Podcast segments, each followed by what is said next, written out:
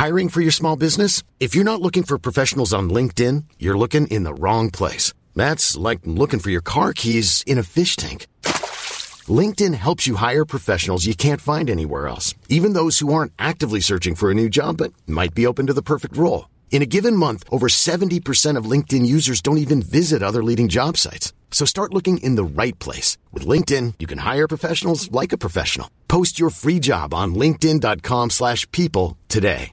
Ryan Reynolds here from Mint Mobile. With the price of just about everything going up during inflation, we thought we'd bring our prices down. So to help us, we brought in a reverse auctioneer, which is apparently a thing.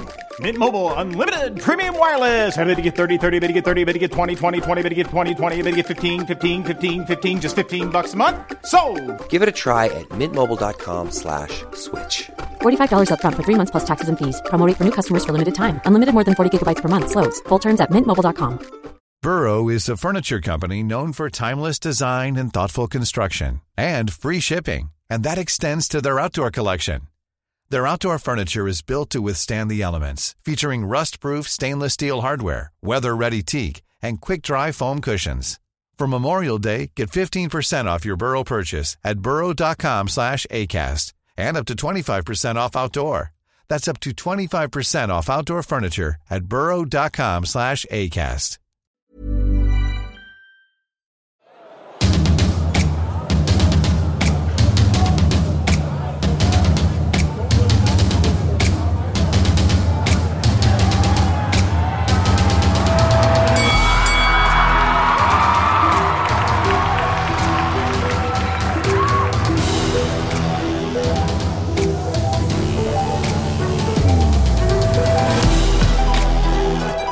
Varit gäst i tusen podcast själv. Eh, Men ett av de mest intressanta samtal jag haft kring en middag, om man nu ska starta en egen podcast, vilket är min debut.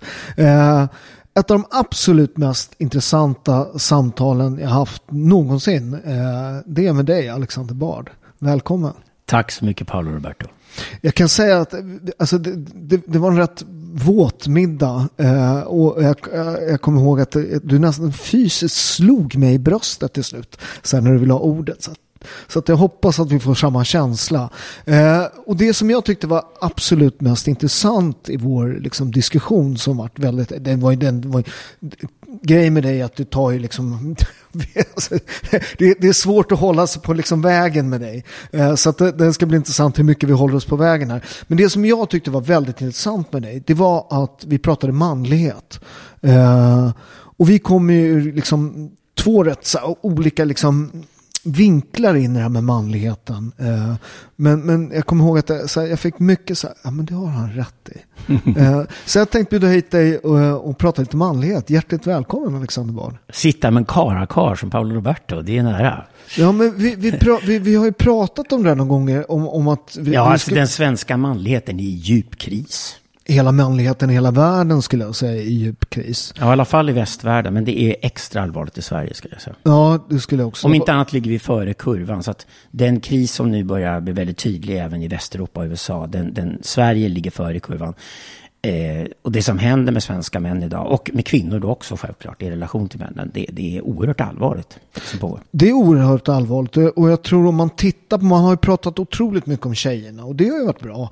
Eh, men om, om man tittar liksom, vad är det som händer med den unga manligheten? Jag menar, de, de sitter framför sina datorer, de konsumerar otroligt mycket porr. Eh, jag läste någonstans att könssjukdomarna sjunker och det är jättebra, men det tyder bara på en sak, de knullar ju mindre. Eh, Eh, och jag har, jag har ju liksom en son som är 18. Det är en helt annan grej än när vi var 18. Då var vi ute och liksom var vilda. Jag kanske var lite för vild, men det var väl du också.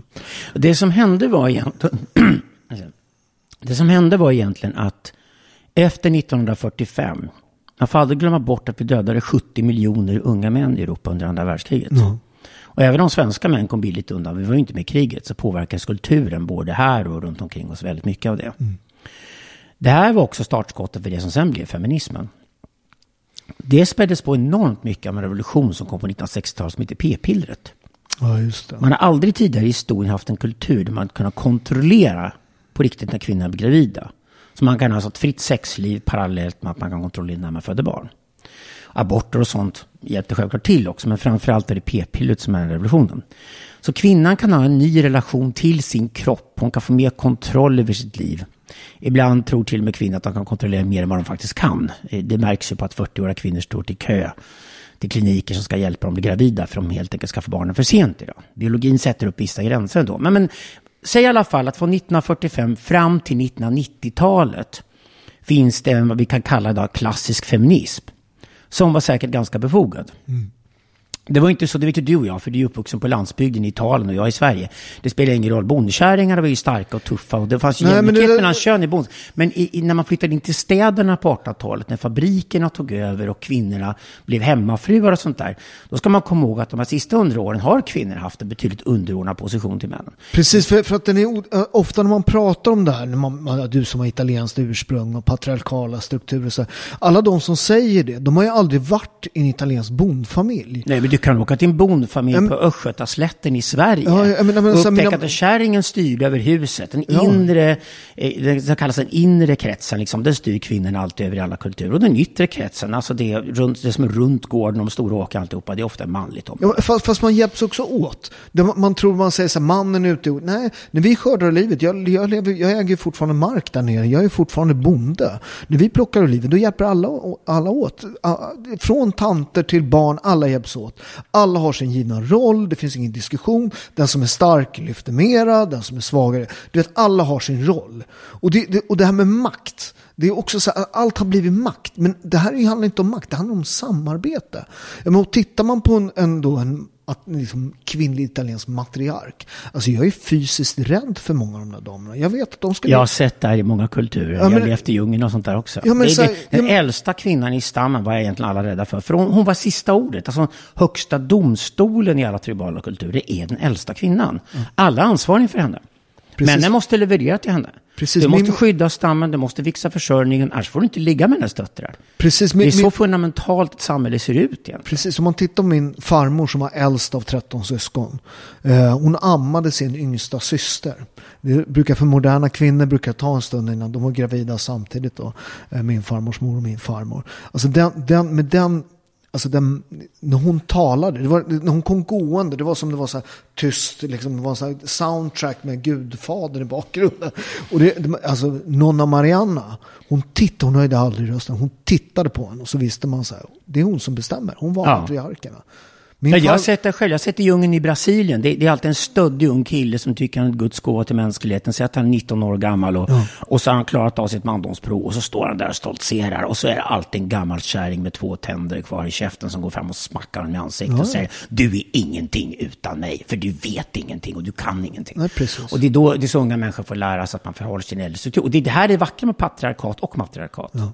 Jag använder orden jämt numera, för det är vackra ord. Men jag använder dem alltid tillsammans. Matriarkatet är helt enkelt hur äldre kvinnor faktiskt kontrollerar och lär yngre kvinnor hur de ska bli vuxna. Och patriarkatet hur äldre män lär unga män hur man blir vuxen man. Ja. Det är vad det är egentligen. Orden är skitvackra. Vi ska ta tillbaka och äga dem.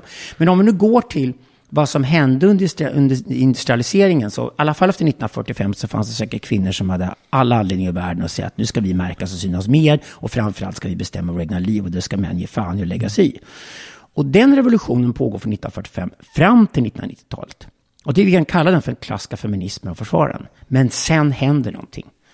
Och det händer parallellt med en annan utveckling som man inte ska glömma bort här också. Och det är att det som heter Women's Lib på engelska följdes ganska snart det som heter Gay Lib som kom efter. Mm. Homosexuella män och för all del lesbiska kvinnor började slåss för att de skulle bli likställda med andra i samhället också. Eller åtminstone bli lämnade i fred. För det är oftast det folk slåss för. Lägger inte i oss liksom så här. De här två världarna, HBT-rörelsen och den klassiska feminismen, har på 1990-talet blivit stora byråkratier. Och här är problemet. När du för en politisk kamp måste du egentligen bestämma dig för från början att den dagen vi lyckats lägger vi ner. Mm. Men du hade byggt så stora byråkratier som dessutom göddes med statliga pengar. Staten var inne och blandas in i det här. Helt plötsligt gick statstjänstemän in i Pride-paraden också. Och plötsligt har du fått en statligt underhållen byråkratklass i ett land som Sverige. Mm. Som till vilket pris som helst ska hålla feminismen och HBT-rörelsen vid liv. Mm. Vad gör byråkraterna när en kamp är klar? Om de själva ska rädda sitt eget arsle? De hittar på problem som inte finns. Exakt. Och, det- vad det- de sen gör är att de kommer på att de ska inte bara hitta på problem som inte finns. De ska helst hitta på problem som aldrig går att lösa.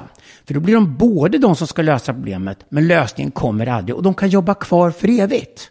Och det är det som hänt i vårt land de sista 30 åren. Och det är det som är tragedin idag. Jag är väldigt noga med att inte angripa feminismen, utan angripa radikalfeminismen. Jag angriper aldrig HBT-rörelsen, jag angriper HBTQ.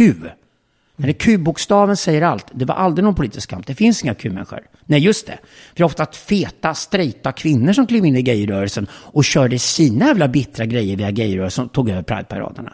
Där har bögarna upptäckt idag, de är spytrötta på det. Så att jag är allt för den klass-KBT-rörelsen och klassfeminismen. Men problemet fick vi på 90-talet. Och svenska män var naiva och såg inte att det här skulle komma. För Nej, det är det- de som då blir fienden för båda de här rörelserna. Precis, men jag, jag tror att jag har ju många homosexuella vänner som också som vita eh, gaykillar som börjar inse att men vi har också börjat hamna liksom i skottgluggen. Ja, liksom. Det direkt- jag är med i direkt- Medborgerlig direkt- Samling. Vi har transsexuella medlemmar idag, tjejer som är födda killar som är parti. Mm. För de är ju spytrötta på att man kör in sprutor i 14-åriga autisttjejer i tonåren. Och så jag väntade till jag var 18, så tog jag beslut och opererade om mig. Jag är lyckad, jag är stolt över det. Jag är en kvinna idag. De går med i Medborgerlig Samling idag. Därför de är HB och T. Och HB och T har problem på många ställen i världen. Om du åker till Uganda, eller Iran eller Ryssland, ett helvete vad bög idag. HBT-rörelsen borde ägna sig åt de globala frågorna om att förfölja HBT-människor. Men det gör de inte, utan de är kvar i Sverige, hittar problem som inte finns och sysslar med HBTQ-certifiering. Ja, Exakt, och det där tror jag är, är ett stort problem i vårt samhälle. Att vi har det här genusindustriella komplexet. Som, som bara föder sig själva. Man ska ha regler, man utbildar alla de här jävla genusvetarna. Och, och sen ska de ha något att göra, de ska ha fina jobb för de har gått till universitetet. Och så sysslar man med saker som är inte produktiva. Vi skapar inte nya idéer, vi skapar inte nya liksom, affärsmöjligheter. Utan vi plöjer på i det här liksom, byråkratiska eviga malen. Av, av, Och det säger- kostar och det pengar. kostar det är dina och mina skattepengar som går rakt in i den här skiten. Ja, jag, kommer ihåg, jag kommer ihåg när den första dök upp inom boxningen då, när, när, när min gamla boxningstränare det dök upp liksom någon, från förbundet och då skulle de ha någon hbtq-plan eller något sånt där. Och då sa han, vad, i helvete är det här liksom? Ja, du måste ha en plan om det kommer in någon, någon kille med kjol här liksom. Det, det, du måste ha en plan för det. Jaha, ja, han får stryk. ja. Ja, ingen skillnad, vi slår alla lika jävla mycket. Bra Leffe, då har du en genusplan. Alla får lika mycket stryk. Så han skrev ner det och skickade in efter förbundet och fick det godkänt. Alla fick lika mycket stryk. Han gjorde ingen skillnad. Men väntar du vad som kommer här runt hörnet? Ja. Det som alltså händer är att på 1980-talet så har den politiska vänstern skippat Marx. De slänger ut Karl Marx. Det är ingen som läst honom de sista 40 åren. Jag gillar ju Marx, men de slutar läsa honom. De börjar läsa Herbert Marcuse, Ernesto Laclau, Chantal Mouffe, Judith Butler. Alla dessa queer-teoretiker kom in istället.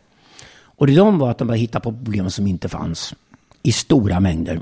Och sen var de självklart lösningar på problemen utan att någonsin lösa dem. Det brukar ju vara så man hittar på spöken.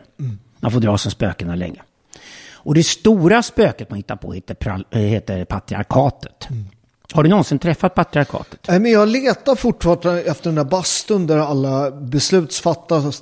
För att jag har ju alltid jobbat jävligt hårt. Jag kom från en kriminellt förflutande. Jag startade företag som omsatte 200 miljoner. Och jag letade hela tiden efter den här jävla bastun. Patriarkat, om du vet var den är skulle jag vilja ha adressen. Där man bara sätter sig och sen så får man alla saker helt jävla gratis. Man behöver inte jobba. Det räcker med att man har en balle så får man allting. Va? Ja, det vore jävligt skönt om det vore så enkelt att vara kille, men det är ju inte det. Nej. Patriarkatet är ju snarare med äldre männen som håller ansvar för att de måste jobba hårt för att lyckas här i livet. Och matriarkatet har historiskt sett samma sak. Så problemet är egentligen inte patriarkat, problemet är ett för svagt matriarkat i vår kultur. Där ligger det stora problemet. Men om vi går tillbaka till vad som här händer. Patriarkatet blir spöket. Då betyder det att alla de här olika grupperna som har offermentaliteten, offerkoftan på sig och ska ut en massa resurser från staten och kompensation för alla oförrätter de uppgifter genom livet, oftast bara för att de var fula och inte fick ligga. Den är vanligaste anledningen att folk blir bittra. Okej, alla de grupperna, för att de inte ska slå ihjäl varandra, måste de ha en gemensam fiende. Och då hittar man på den, det är en vit heterosexuell man. Du som italienare är inkluderad för. Till och med judarna är vita män. Ja, ja, jag ja. analysera. Så nu, ska, nu är det öppet för antisemitismen också. Men, men okej, alla män i stort sett då som är privilegierade heter det då. De är patriarkatets eh, anhängare allihopa och de är fienden. Och alla andra ska förenas mot den gruppen. Och där rullar det igång och killarna sitter ganska naiva. De, de, de unga männen inte fattar att de blir lerduvorna nu. Ja. De är de som alla skjuter på hej vilt och skyller allt på. Så om en tjej på något sätt är besviken med sitt liv, då skyller de det på killarna. Det är inte hennes fel. Det är inte hon som måste ta ansvar för sitt eget liv, fatta egna beslut. Nej, nej, nej. Tjejerna gör sig själva till småflickor. Allt är männens fel och så fort de inte går på det sätt som Eh, tjejerna bara- vill, är det männens ja, fel. fast, eh, eh, Jag tror inte man ska säga tjejer rent generellt. Utan det finns ju, jag menar, det finns ju mycket kvinnor som liksom, i vårt parti, Medborgerlig Samling, starka matri, liksom, matriarker som inte viker sig. Men Ja, det, det, man måste vara noga med det. Men det här är budskapet som Det är bud- just- just, just- det, just det. Ja, Då är vi överens. Och, det här blir den officiella agendan de sista 30 åren. Den kom från vänstern. Högern köpte efter ett tag med. Det- det är Reklambyråerna köpte det- det, här. det är intressant- Företag köpte, alla köpte, alla kör och mal det, här. Liksom, det intressanta med som vänstern, mantra. som jag, min personliga erfarenhet av det. Jag gick ju från att vara deras gullgosse. Ni vet, kungen i Kungsan. Han som slog hela världen på käften och inte gjorde rätt för sig. Den reformerade, jag var ju älsklingen. Alltså jag träffade statsministrar, alla intellektuella på vänsterkanten. De älskade mig så länge jag var kriminell unge. Den dagen jag öppnade mitt första företag, den dagen jag började bli framgångsrik, den dagen jag inte längre var ett offer, så var jag fienden. Då var du vit heterosexuell man. jag, jag, gick från in, jag gick från invandrarkillen från förorten till att bli vit heterosexuell man. Pom sa det, så var jag patriarkatet. Ja. Så det här patriarkatet spökar man uppfinner, så mjölkar man det så mycket man bara kan och gör karriär på det. Och ingen ifrågasätter det. Idag sitter de till och med på Nyhetsmorgon TV4 och pratar om det som vore givet att det vore sant. Ja. Och det intressanta Så har det varit nu de sista 30 åren. Och det- och det har vi landat nu. Och det är intressant Alexander, det, det är att, att var man skapar, det är att man skapar att offret blir makt. Att vara offer i en maktsituation. Att ha någon form av, liksom, ja men jag är invandrare, jag är hit och dit. Helt plötsligt är det makt istället för att, liksom, att man hyllar styrka. Man, man hyllar inte den starka, produktiva mannen eller kvinnan som släpar saker till stammen. Man har slutat med det. Och det här är ju Ut- ut- precis ut- när ut- kvinnorna börjar bli starka och bli hjältar. Precis. Och när bögarna och flatorna blir starka och blir hjältar. Då styr man om hela feminismen och hela hbt-rörelsen till offerkulter. För att byråkrater tjänar inga pengar på att folk är starka. Byråkrater tjänar pengar på att folk blir förklarade som svaga och att man beskattar fienden och tar pengarna från fienden, stoppar ner pengarna i fickorna på offren och gör dem till ännu mer offer. Och det vet vi allihopa om att i samma ögonblick du ger pengar till en tiggare kommer tiggaren gå hem och fostra sina barn till att bli tiggare. Precis. Du skapar en så fruktansvärt destruktiv kultur av det här. Och där är vi landat. Vi är därför vi är den största staten i världshistorien. Vi har de högsta skatterna något land någonsin haft. Vi sliter allt vi kan för att hålla oss ovanför ytan, i alla fall i Sverige. Men där har vi landat idag. Och hela den här genusindustriella komplex som du säger, det är det som då driver det här. Och det här är idag officiell statsideologi. Det är statsideologi. Socialdemokraterna har ju skippat arbeten. De slåss inte för arbeten längre. Socialdemokraternas officiella ideologi idag är radikalfeminismen. På det sättet lyckades Gudrun Schyman. Hon behöver inte lyckas med det nya parti. Hon behöver bara skrämma Socialdemokraterna nog att tro att det var det nya och de absorberar alltihopa. Och från Mona Sahlin och framåt blev de Gudrun Schyman. Och det är Socialdemokraterna idag. Och partiets väljare idag är självklart kvinnor och offentlig sektor som är vadå? Byråkrater och administratörer i det genusindustriella komplexet. Ja, jag såg nu att en majoritet har också, eh, att det, vad är det på, alltså, var det nu jag såg något, hur stor del som har invandrarbakgrund av de som röstar på vänster. är Också, inte för att jag är själv invandrarbakgrund, liksom, men- men att så här, man måste också förstå att det, det, man har skapat, alltså de, de som röstar på partiet är de som betalar ut bidrag och de som tar emot bidrag. Du menar att vi har byggt socialdemokratiskt utsatta områden i Sverige? Exakt, Lägg märke till det. Socialdemokratiskt utsatta områden. Utmärkt begrepp. Sverige är fullt av. Ja, det väldigt bra. Men, men, men nu har vi gråtit om elände. Hur löser vi det här? För, för att, det- Nej, det, du, det var klart. För att Ja. man får gå till botten med det här. Den vita heterosexuella mannen gör då det sämsta han kan göra i det läget. Han gör sig själv till en gökunge till i boet som skriker. Ja. Det här är extremhögerns framväxt och där är Trump-väljarna i USA. Exakt. Det är lika osunt där med. Det är inte så att jag håller med i det faktiskt heller. Vad som händer är att de vita heterosexuella männen, oftast med arbetarklassbakgrund och helt oskyldiga till allt de anklagas för, de hittar varandra. Och de känner alla hatar mig. Och nu måste hitta de andra de hatar. Och sen går de ihop och drar ihop. Så det värsta de har gjort, de byggt sina egna offerkulter idag. Och det är det vi måste få ut ur killarna. För det där är en livsfarlig det är fälla livs, som även fastnar eh, i. eh, Precis, och det är det de fastnar i. De, de lever eftersom de inte... De, det framgångsrika kvinnor vill inte ha loser-snubbar. Eh, utan man, man skapar sina egna världar. Man sitter framför sina tv-spel där man liksom är hjälte i något som inte finns. Eh, man, man porrsurfar och runkar istället för att skaffa sig riktiga tjejer. För att det är farligt att gå fram till en tjej och fråga chans och, och så vidare. Och så vidare va? Så, så, så, så, att man skapar, den här, och man skapar då en generation av unga män som är totalt beroende av total direkt tillfredsställelse. Pang, pang, pang, leka, skjuta, skjuta, du vet, knulla, runka, du vet. Men då räcker det inte med att bara jobba på sig själva, för det är lätt att tro att man ska jobba på sig själv. Du måste även bli en man i världen med andra män. Du måste bli politiskt aktiv idag. Just det. Jag kan ge ett konkret exempel på det som gör Sverige så otroligt extremt. Inget annat land skulle kommit på det här. På 1990-talet slutade vi kalla lägenhetsbråk för lägenhetsbråk. Vi slutade kalla villabråk för villabråk. Vi slutade beteckna konflikter i hemmen som konflikter där man hittade vem som var skyldig och dömde den personen oavsett kön. Vi omdefinierade till mäns våld mot kvinnor. Den brottsrubriken skrivs in i svensk lag. Sen dess spelar det ingen roll vem det är som slår vem i ett bråk, en lägenhet eller en villa. Det är alltid mannens fel. Sen byggde vi kvinnojourerna. Och du ska komma ihåg att kvinnojourerna är otroligt mäktiga i Sverige idag. ROX, organisationen som håller kvinnojourerna, en stenhårt styrd ideologisk organisation som dessutom har korrumperat så mycket att en gång i tiden hjälpte kvinnor varandra. Kvinnor gick på sin fritid i kvinnojour för att hjälpa andra kvinnor som är utsatta. Idag är alla kvinnojourerna anställda av staten och tar emot pengar från staten. De är alltså helt beroende av staten. Och vad de istället- istället gör är att de ger staten statens ideologi, som är manshat. Det var de odlar de här kvinnojourerna. Och nu för- finns det för- till och med mansjourer i Sverige. Det här är sjuka. Mansjourerna i Sverige. Om du går in på mansjour i Sverige idag. Det första du gör är att du kommer in och säger att du har våld hemma och din kärring slår dig. Säger, Det är ditt fel. För du är mannen. Mans, mäns våld mot kvinnor har nu blivit en så kraftfull ideologi att den tvärt emot allt annat används nu av det genusindustriella komplexet för att göra kvinnan god och mannen ond. Och då är det egentligen ingen stopp på eländet, för ingen kultur förut i historien har haft könskrig som sin bärande idé. Dit är på väg i Sverige idag. Så killarna idag, jag är ju med i mansrörelsen. Jag har skickat killar nu på bootcamps de sista sex åren. Tusentals killar går igenom det här.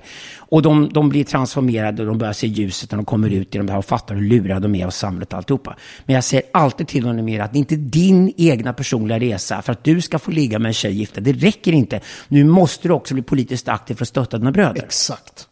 Men problemet är att, att ja, men om du tittar, jag sa 2015, jag sa problemet med Trump och Åkesson, det är att de har sett ett problem.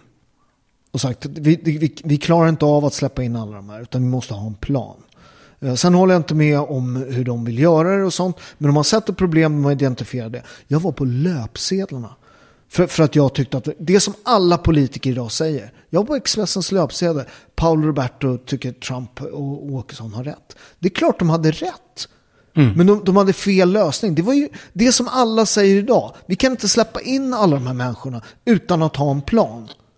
Och så har man försökt dribbla bort det där. Och nu vänder ju, nu blir man ju riktigt, alltså det blåser ju en riktig jävla orkan nu av alla som vänder kappan efter vinden. Och grejen är att alla de här nu, de som stängde ner vår kärnkraft, de som släppte in alla människor utan att ha en plan, som äventyrar hela vår välfärd, hela vår säkerhet, hela vår ekonomi, alla de här människorna kom, kommer undan nu. De kommer för fan undan. Ja, visst om det.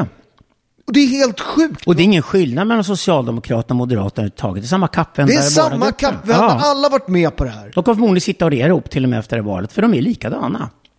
Samma kappvändare. Ingen plan, ingen vision, ingen strategi, utan fingret upp i luften och kolla vart det blåser och så vända fort som fan och låtsas som ingenting. Ready to pop the question? The jewelers at BlueNile.com have got sparkle down to a science with beautiful lab grown diamonds worthy of your most brilliant moments. Their lab grown diamonds are independently graded and guaranteed identical to natural diamonds, and they're ready to ship to your door. Go to BlueNile.com and use promo code LISTEN to get $50 off your purchase of $500 or more. That's code LISTEN at BlueNile.com for $50 off. BlueNile.com code LISTEN. Hiring for your small business? If you're not looking for professionals on LinkedIn, you're looking in the wrong place. That's like looking for your car keys in a fish tank. LinkedIn helps you hire professionals you can't find anywhere else, even those who aren't actively searching for a new job but might be open to the perfect role. In a given month, over 70% of LinkedIn users don't even visit other leading job sites. So start looking in the right place. With LinkedIn, you can hire professionals like a professional. Post your free job on linkedin.com slash people today. För, för, jag kommer inte ihåg vem som har sagt det. Socialdemokraterna de, har, de har två mål. Att ta makten och behålla den. Ja. Det är liksom de två. Och Moderaterna försöker kopiera det. Det kallas decemberöverenskommelsen. Den kom 2016. Alltså, det var då jag blev förbannad. Nej, men det är nog helt sinnessjukt. Men det, det är problemet med, med, med svensk politik. Det är att så här, menar, Moderaterna de är högersossar va? Och, och vänstern är vänstersossar. Alla vill ju ha det här jättesystemet. Någonstans, jag vet inte hur många myndigheter vi har, 340 va? Är det inte så? Mm. Uh, och, och, och, Finland har 80. Fan, lägg ner, mynd lägg ner 60 myndigheter. Och det här, är så, vikt, det här är så viktigt att säga till unga killar då som börjar bli medvetna nu och de ser ljuset liksom. Den här brottsrubriken mäns våld mot kvinnor mm. har fullt stöd hos Moderaterna. Mm. Det måste ni fatta grabbar. Mm. Hela idén om att det finns ett strukturellt våld där mannen är ond och kvinnan är god. Att den sagan skulle vara sann. Den har Moderaterna ställt upp också.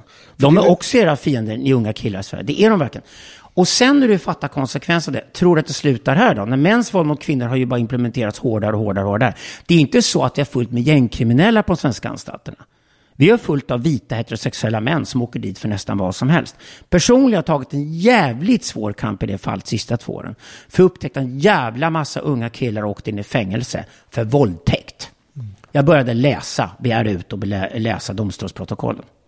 Och du hittar att ungefär, när du läser domstolsprotokollen och ser helheten, och så använder du killarna själva som, som måttstockar. För det är så att om du sitter på anstalt som kille, då är du själv en ganska bra måttstock. För du vet vilka killar som är luriga på anstalt och vilka som är schyssta. Det märker du fort ur innanför. De har gjort en studie nu på två av anstalterna som visar att ungefär en tredjedel av alla killar som döms för våldsbrott mot kvinnor, sexuellt våld. Det är definitivt befogat. De här killarna har gått långt över gränsen, inte respekterat tjejens integritet, tagit för sig och så vidare. Och det är också gått att bevisa det. Den andra tredjedelen skulle inte enligt vår vildaste fantasi betraktas som våldtäktsmän. Det var bara det dåliga ligget. I värsta fall. Det var någon ligg någonstans någon gång. Ja. Du ringer tillbaka till tjejen nästa dag. Hon blev sur, berättar för väninna. Väninna råkar vara radikalfeminist och hon fick för sig att du, nu ska du gå och anmäla honom för polisen. Och vi går till polisen och låtsas vi inte förstår. Men vi tror killen ägnar sig åt ett övergrepp och så hittar på någonting som han försökt sätta på dig i röven fast du sa nej. Och så blir han dömd för våldtäkt. Så en tredjedel av fallen är bara sloppy sex. Den sista tredjedelen det är så absurda fall så det finns ingenting, ingen rim och reson. Rättsläkarna protesterar allting, ändå blir de dömda. Det är killar som blir dömda idag för att om tjejen kommer in och gråter i tingsrätten, då ska man döma enligt hennes känslor. Och när jag har sett den här utvecklingen, då undrar jag var kom den ifrån? Då visar det sig att vi har under 20 år innan i vårdnadstvister alltid dömt till kvinnornas fördel. Ja. Och då började jag träffa massor män som var helt slutkörda, som var i 40-50-årsåldern. Slutkörda, fått sina liv förstörda, fått sina rykten förstörda av en bitter exfru som hämnades mot att hon blivit lämnad av mannen och dra honom inför rätta och påstår att han våldtagit deras barn och hittat på alla möjliga sjuka saker. Och kvinnorna har kommit undan med historierna för de har hållit på med 20-30 år. Då såg jag mönstret därifrån och så tänkte jag, okej, okay, finns det någonting som talar för att det kanske blir lite vettigare framöver? Till exempel att man måste faktiskt tekniskt bevisa en våldtäkt om man ska döma någon för våldtäkt. För vi killar slår ju ihjäl våldtäktsmän. Ja. Det har ju killar vill göra. Men vi kan ju inte hålla på och slå ihjäl oskyldiga killar och märka att fängelser finns av oskyldiga svenska män som inte ens har våldtagit. Då visar att nästa stora grej sossarna tänker driva nytt vad det är. Lite psykisk misshandel. Det betyder att en kvinna, det är bara kvinnor som kan anklaga män, för det ligger under brottsrubriken mäns våld mot kvinnor. Mm. Nästa grej Morgan Johansson, Socialdemokratiska kvinnoförbundet, tänker köra nu efter valet i Sverige, är att psykisk misshandel är en ny brottsrubricering och det ska ge upp till fyra års fängelse. Då blir det fritt fram för vilken kvinna som helst i Sverige och påstå stort sett vad som helst om vilken man hon vill och få dem dömd. För vi har inte någon bevisföring längre när kvinnor anklagar män i domstolar. Det är sagan som gäller då. Och det här är fällan vi lastnat, fastnat i när vi byggde en saga som heter kvinnan är god, mannen är ond och varje gång det inte stämmer med sagan, då är det någon struktur som spökar. Som en kvinna slår en man, nej men då är hon förvirrad, könsförvirrad någonting. Det är fortfarande mäns våld mot kvinnor, även när kvinnor slår män. Istället för bara att säga, nu slänger vi ut det här begreppet mäns våld mot kvinnor och säger att det är totalt oacceptabelt att, att använda våld mot andra människor och vi dömer folk för våldsbrott, punkt slut. Punkt. Ja, Är det någonstans det borde vara könsneutralare så är våldslagstiftningen såklart, med våldsbrott. Men vi är inte det i Sverige. Nej. Men, Och det här används mot män hela tiden. Så unga killar börjar nu fatta. För nästan alla unga killar jag pratar med idag, de säger att de har med sig inspelningsutrustning och de dejtar en tjej och spelar in allting. De har polare som åkt dit. Om inte annat blivit utredda och råkat i klistret och blivit av med jobbet och massa annat skit. Blir du dömd för sexualbrott i Sverige idag, då är du ju körd resten av din framtid. Hur fan ska du resa liksom? Men, men, men, men eh, Alexander, hur, hur går vi vidare härifrån? Det, det är liksom, hur bygger vi en ny manlighet och kvinnlighet? Alltså, eh, och, och liksom sluta gräva ner oss i de här skyttegravarna. För, för att det finns ju folk som verkligen så här, de, de lever på att vi ska le, leva de här skyttegravarna. De det är liksom deras bensin i deras motor. Ja. Det, det, det är liksom att kriget, det här omsätter miljarder liksom i Sverige.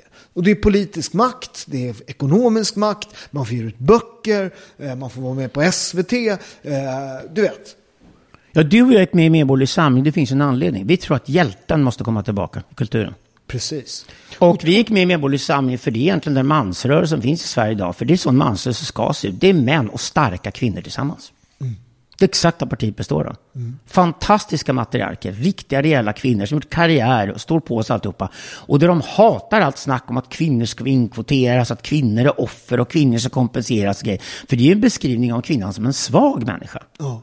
De vill inte behandla det på det sättet. Kvinnorna som är med säger att vi är starka kvinnor, vi är jämlika.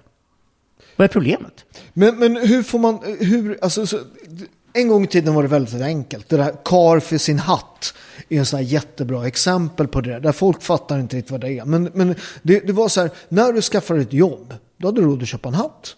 Och så var du kar. Eh, och så hade du liksom alla de attributen med. Men nu får vi tillbaka att män ska bli kar för sin hatt. Vad är de nya manliga riterna? För i alla, alla kulturer finns det alltid manlighetsrit för att bli man. Ofta förknippad med smärta, uthållighet, bevisa att man är något värt. Vad, hittar vi det i det nya moderna samhället? Vi måste ha dem igen och måste bygga dem. Det är därför jag med och startade mansrörelsen här i norra Europa för sex år sedan. Och det växer så det knakar. Behovet är enormt. Det är vad jag gör. Akillesjouren är skitbra också i Sverige. De får inga resurser från staten alls. Akillesjouren öppnade först i Uppsala. Det var män som blev slagna av sådana kvinnor som öppnade den jouren. För att få riktiga mansjourer för män som är utsatta. De tillåter inte att någon kommer in och görs till offer. De bara släpper in och säger, okej, du blev slagen av din kvinna för hon var bitter och stark alltihopa och du är totalt förnedrad inför andra män på grund av det. Nu ska vi bygga ditt självförtroende från början igen. Och du ska inte bemöta henne på det sätt som hon bemötte dig. Du står över det. Det är så man bygger hjältemyterna tror jag. Och, och hjält, hjältar är, det är förebilder för oss män. Vi tittar alltid upp på män som är äldre än oss själva. Gärna liknande arketyper som vi själva är. Har du en viss personlighetstyp så ser du upp mot dem som är din personlighetstyp. Om du sportar ser du upp till andra idrottsmän och sådana hjältar. Och det måste vi självklart börja igen. Men killarna får inte nu gå in i fällan att de gör en egen resa och själva ska skärpa sig och sen kanske få en brud och gifta sig och lyckas med livet. Det räcker inte längre, utan nu måste killarna samarbeta. Så när vi till exempel jobbar på anstalterna, de här killarna som åkt dit. Det första vi lär dem när de kommer in, du är långt ifrån ensam. Och det är inte synd om dig. Jag brukar titta dem rakt i ögonen och säga, vet du vad, det kan vara rätt bra att ha dig inlåst tre år i en cell. Får lära läsa böcker och gå och träna varje dag och sköta din hälsa. Den sortens rutiner fick man först i kloster eller militären. Nu får du sitta på en fånganstalt och få det istället, men bättre det inte får alls. Jag säger det till dem på en gång, det är inte synd om dig. Och sen gör vi så här att samtalsgrupperna när killarna träffas. Så fort en kille sitter böla, tycker synd om sig själv, kan de Lipsil skicka ut dem därifrån. Och hem till mamma då. Men, Men- men- de men- killarna som tittar andra bröder i ögonen och börjar samarbeta, de är nyckeln till det en, men här. enligt den nya så här manligheten som vänstern vill liksom, eh, prockla på oss. Det är ju män, det är ju fint med män som gråter. Nej, det funkar inte. Va? Va? Jag bor på Södermalm i Stockholm. Ja, vi har ja. de här barnvagnsrullarna där som går omkring där och plockar i sig Cital och Pram och Cetralinpiller på kvällarna. Går upp i vikt. Kuken står inte längre och radikalfeministfrun hemma är arg och frustrerad för hon får inte ligga längre. Och det är hon som lämnar honom. Ja. Det är feministbrudarna som lämnar sina så här sneaky fuckers-män som de har. Du har inte en chans idag om du försöker spela med det här spelet. Om du som kille tror att om jag köper radikalfeministernas agenda och går omkring och säger att ja, vi män är onda och vi män är fula och så baktalar jag andra killar så ska jag på något sätt få komma åt fittan och få ligga. Det är den största illusionen av alla som är killkarlar, för de möts bara med förakt. Jag är ju övertygad om, jag säger så här, jag funderar på att bli porrproducent. Det är, klart, det är klart du har gjort. Den enda porrfilm man kan göra i Sverige idag som är trovärdig, det är en muslim som sätter på en radikalfeminist. Okej. Det är fan det enda som går. Du kan ju inte ha en porrfilm med en svensk kille längre. Det går ju inte. Ja, Han är ju inte trovärdig i rollen som en man som kan ligga. Och här är det liksom... Ja, fast och- jag, jag håller inte med. Jo, men det här är en viktig grej. jag- Det här är jag- en viktig jag- grej. Jag, viktigt. jag kampsportar mycket. Alltså, du vet, jag, jag tränar fortfarande. Det finns, alltså du vet, du, du bor i fel, du bor ju liksom i sojalattehavet. Nej, nej, nej, nej. Jag går på MMA-galorna hela Det finns tiden. otroligt mycket Pablo, tuffa. jag sitter på Vi- första raden när du slåss. Det vet du. Vikingarna finns kvar, men de, de, de hör, man hör dem aldrig. De bor i Norrland och gömts i skogen. Ja, de bor i Stockholm också. Nej, det finns, vet jag fan. det finns en del riktiga... Ah, in- sista vikingarna, de har gömts i Norrland i skogen och vill inte vara med längre. Nej, men så här är det. Det här är faktiskt en viktig grej för killar att fatta. Jag pratar väldigt mycket sex med killarna. Och jag säger till dem så här, du ska inte tro att sex är någonting man bara kan från ingenstans. Alla kulturer jag har studerat, jag har bott i djungeln med stammar och sånt där, på Nya Guinea och i Brasilien, jag är antropolog. Du får lära dig sexualiteten. Och du måste lära dig sexualitet som kille. Och du ska inte tro att porrfilmer du kollar på en bra skola. Det där säger ingenting om vad kvinnan vill ha. Det är ofta en manlig fantasi. Och där har porrfilmskritiken ofta rätt. Det är ofta en manlig fantasi om porren ska gå till. Om du på allvar till exempel lär dig, gå på en tantrakurs eller liknande och lär dig vad det innebär att möta kvinnan. Om, om du som man, för, som man, heterosexuell man, är din största njutning inte att du njuter själv. Din största njutning är att kvinnan njuter på grund av dig. Det är nyckeln till heterosexualiteten. Då måste du lära hur man gör. Och ett bra tips är till killarna, förutom att skärpa till sig, kamma håret, gå upp det- på det- morgonen, bädda Alexander, säng det, det är nyckeln till allt. det är nyckeln till allt. Om menar, du och- lär och- dig knulla och gör det bra, Ja, knulla kommer, du, överhu- kommer knulla massa hysteriska brudar lugna. Och det är det som krävs. Äntligen har Ja. vi lösningen. Tack På Alex. engelska, på engelska Vi, knull, vi knullar vi knullar Ja, för det här Ja. är ju ett shit-test som ja, pågår. På allvar, om du använder Freud, och det ska man göra med lägena, och titta på vårt samhälle idag. Jag ser radikalfeminismen som ett enda stort shit-test. Där tjejerna kollektivt säger, när stoppar ni oss? Hur lång tid ska det ta innan ni vaknar? Och när ni vaknar kan vi äntligen ligga och äntligen kan vi känna oss lugna och vi kan bli bra på det vi är bra på, våra kvinnor, och ni kan äntligen bli män. För någonting Men- har men- hänt. Något men- är men- fel med dricksvattnet, något är fel med hormonvärdena. Men, det- jag det- känner inte det- igen män det- i svenska men, män idag. Nej men Alexander, det är inte också så att det är en enorm så här, Alltså det har skett en stor, stor omvandling på hur vi lever. Jag menar från p-pillerna, eh, när man helt plötsligt kan knulla utan att bli gravid. Men också det här att, att vi liksom helt plötsligt har ju kvinnor getts upp och jobbat tillsammans med män. Det har man ju aldrig gjort på det sättet. I jordbruk har man jobbat tillsammans, men då har det ju funnits liksom familje... Familjebanden finns ja. så- Incesttabuet sätter vissa spärrar i det. Precis, och, och man har koll på folk. Men idag så ska man jobba nära kvinnor och män och, och folk klär upp sig, de har sexiga kläder. Du vet, det, det, det, det, vi har inte rikt, riktigt hittat sätt att umgås. Alltså vi har inga riktiga regler för hur man gör det här. Det finns juridiska regler. Men det uppstår ju en hel del problem. Liksom, för- Ja, och det är för kanske så att det alltid kommer att ha problem när män och kvinnor tillsammans och i fertil ålder båda två. Eh, kvinnorna brakar ihop, de blir utbrända. Och mycket av utbrändheten hos kvinnorna mellan 30 och 40 års ålder, de kommer in på psykerna, handlar om att de har lagt så jävla mycket tid och energi varje morgon på att sätta på sig högklackade skor, sminka upp sig, fixa håret, ha rätt klänning och står och bedömer sig själva framför spegeln innan de ens vågar gå till jobbet. Och här är det värsta, de blir bedömda mest och hårdast av andra kvinnor. Det vill säga, du ska både se snygg och lite sexig ut, men inte för sexig. För då är du hora. Då försöker du tillförskansa dig förmånerna för männen och få männens blickar riktade på dig istället för de andra kvinnorna. Och då blir du baktalad på kafferasten på en gång. Så det är en otroligt svår balansgång kvinnor går i relation till varandra. Men det är för att de performar framför män i en miljö där män och kvinnor är tillsammans. Det är därför det första vi gjorde när vi startade mansrörelsen, och nu finns det en liknande ny kvinnorörelse i Sverige med, var att skapa vad vi kallar på engelska för desexualized spaces. du åker bort på en långhelg, det är bara grabbar där. Även att gå ut i köket, grabbar. Städpersonal, grabbar. Det finns inga kvinnor överhuvudtaget i närheten någonstans. Och åtminstone fyra dygn får en paus från att leva i en totalt sexualiserad värld. För det är inga kvinnor där som varken performar för dig eller sabbar stämningen när de går in i rummet när killarna börjar bli rivaler istället för att hålla upp. Och då får killarna lära sig ett, att ta hand om sig själva och två, lära sig samarbeta. Och du måste ha en miljö där kvinnorna är bortplockade för att killar ska lära sig de här sakerna. Du får inte killar lära sig samarbeta om du har en miljö med tjejer i hela tiden. Svenska försvaret kommer inte funka om män och kvinnor tillsammans hela tiden. Jag är ledsen, det kommer inte gå.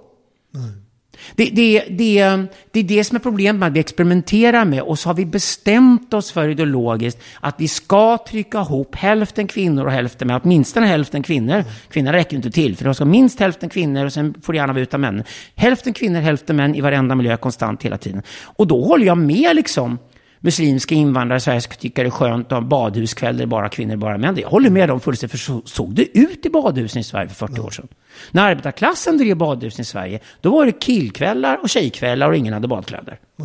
Det funkade utmärkt. Men nu ska män och kvinnor och helst barn också, alla vara på samma ställe tillsammans hela tiden. Och hela Sverige ska vara ett enda stort, konstant, rullande, glassätande äventyrsbad. Det håller inte. Vi behöver Nej. utrymmen där man slipper den stressen. Både ungarna, blöjbytena och det andra könet. Precis, vi måste hitta nya regler. Men hur ska vi liksom implementera det här? Det, det är ju så jävla svårt. Med, med de här otroliga skyttegravarna. Det känns så, som rent politiskt håller vi på att glida isär. Även könsmässigt. Det, det är djupa, djupa skyttegravar i vårt samhälle. Ja. Och Jag så- skulle säga, ja, men den här mansrörelsen, killarna har sagt till så här, det gör det ännu svårare att komma igång, men det är nödvändigt. Gå aldrig och gör beroende av staten. Nej. Gör inte det, för det misstaget gjorde kvinnorna. Och nu sitter staten och göder kvinnojourerna i Sverige och kvinnojourerna bestämt att Sveriges statsideologi heter manshatande radikalfeminism. Där är vi i Sverige idag. Ställ inte upp på det.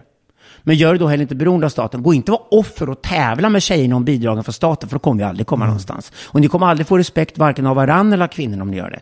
Utan killarna måste ta kommando i sina egna liv och göra allt det här själva. Och det är en lång resa där framför oss för att den svenska mannen äntligen ska få en själ. För idag är den svenska mannen utan själ. Fast jag, jag, jag, så, jag tror att en del av så men jag tror också i det här nya politiska landskapet. Så ju mer man håller på att danka ner, ju mer det, det skapas problem, kriminalitet. En, en viss del svenska manlighet men också svenska kvinnor har fått nog. Och jag tror att fortsätter man och liksom driva de här politiska, precis, trumpismen åt ena hållet och sen så den här radikalvänstern åt andra hållet. Liksom, så kommer det bli, alltså det kommer väldigt svårt att hålla ihop vårt land. Va? Folk kommer säga så här, men varför ska jag betala de här skatterna när ingenting funkar? Ja, men det är ju välkommet när vi väl kommer dit. Men tyvärr kommer man hoppa på den kortsiktiga lösningen först och hoppas den ska räcka. Och den heter Jimmy Åkesson. Jimmy vinner det här valet. Magda får de andra som allierade och får ta regeringen. Men Jimmy vinner det här valet. Det här är Jimmys år. 2022 breakar Sverigedemokraterna. Med nästan enbart manliga väljare. De gör. Det är de förbannade männen. De är Sverigedemokrater idag. Sen kommer uppvaknandet. Och det här är jag stenhård med. Det här är en mycket längre resa än att något som går att fixa på fyra år. Och Ja, det går det. inte att fixa via staten och politiken. Sveriges män måste bli män igen och hitta en modern manlig själ som funkar. Och en balanserad jämlik relation till kvinnorna där vi står för oss själva och integritet i vår manlighet. Det är den långa resan. Den kan ta flera generationer. För vi är ute idag i ett landskap där vi, ett krig hade löst allting. Men det kommer inget krig. Och ehm, det finns idag inte något ögonblick där män omgående kan kliva in i bara sin biologiska förprogrammering och vara manliga och bli hjältar igen. Det kommer inget sånt ögonblick. Det kommer inte finnas där plötsligt. Vi vet att näringsidkare, män som blir företagare blir idoler. Vi vet att män som blir idrottsmän och lyckas i sport blir idoler för unga killar och så vidare. Vi behöver mycket fler sådana utrymmen där manliga förebilder kommer fram. De syns inte till idag. Damtidningarna har bara flinande kärringar på omslagen. Herrtidningarna har också bara flinande kärringar på omslagen. För där ska det bara pratas om kvinnligt företagande, att kvinnor kan visst det. En procent av allt nyföretagande i Sverige som skapar nya jobb av kvinnor. Ja, en procent, ungefär två procent.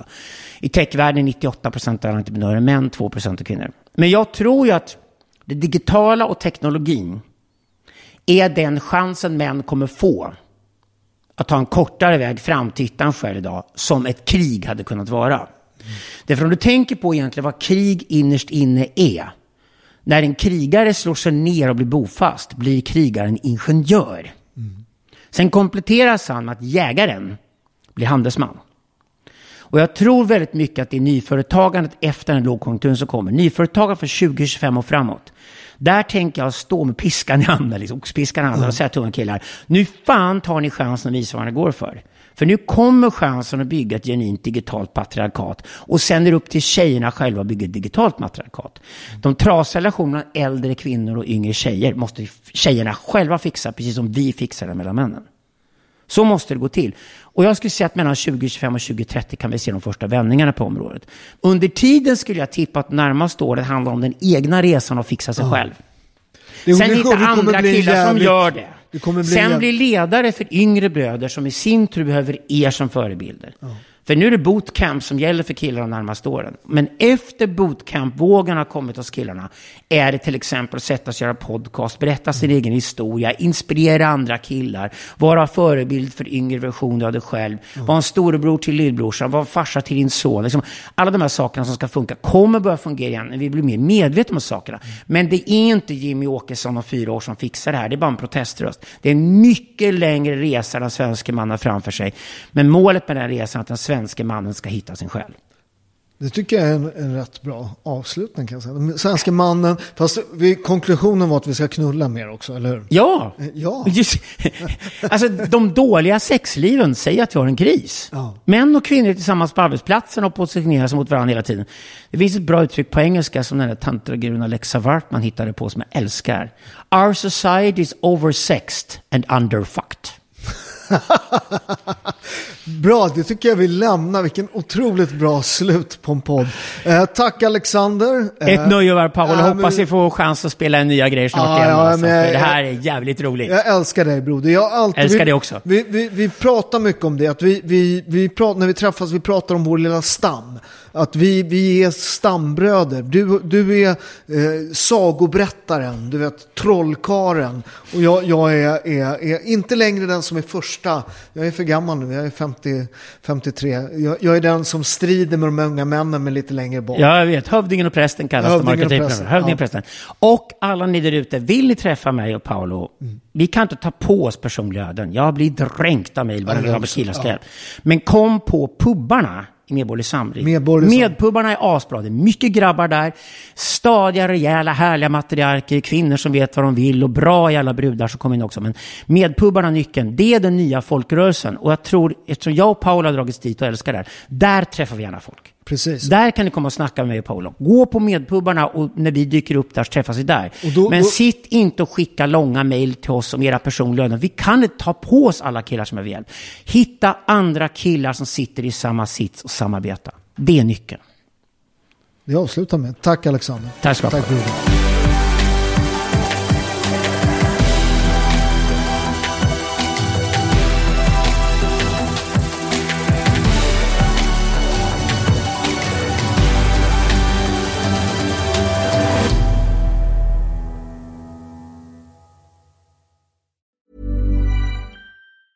Hey, it's Danny Pellegrino from Everything Iconic. Ready to upgrade your style game without blowing your budget? Check out Quince. They've got all the good stuff, shirts and polos, activewear and fine leather goods, all at 50 to 80% less than other high-end brands. And the best part? They're all about safe, ethical and responsible manufacturing. Get that luxury vibe without the luxury price tag. Hit up quince.com slash upgrade for free shipping and 365 day returns on your next order. That's quince.com slash upgrade. Planning for your next trip? Elevate your travel style with Quince. Quince has all the jet setting essentials you'll want for your next getaway, like European linen, premium luggage options, buttery soft Italian leather bags, and so much more. And is all priced at 50 to 80% less than similar brands. Plus, Quince only works with factories that use safe and ethical manufacturing practices. Pack your bags with high-quality essentials you'll be wearing for vacations to come with Quince. Go to quince.com slash pack for free shipping and 365-day returns.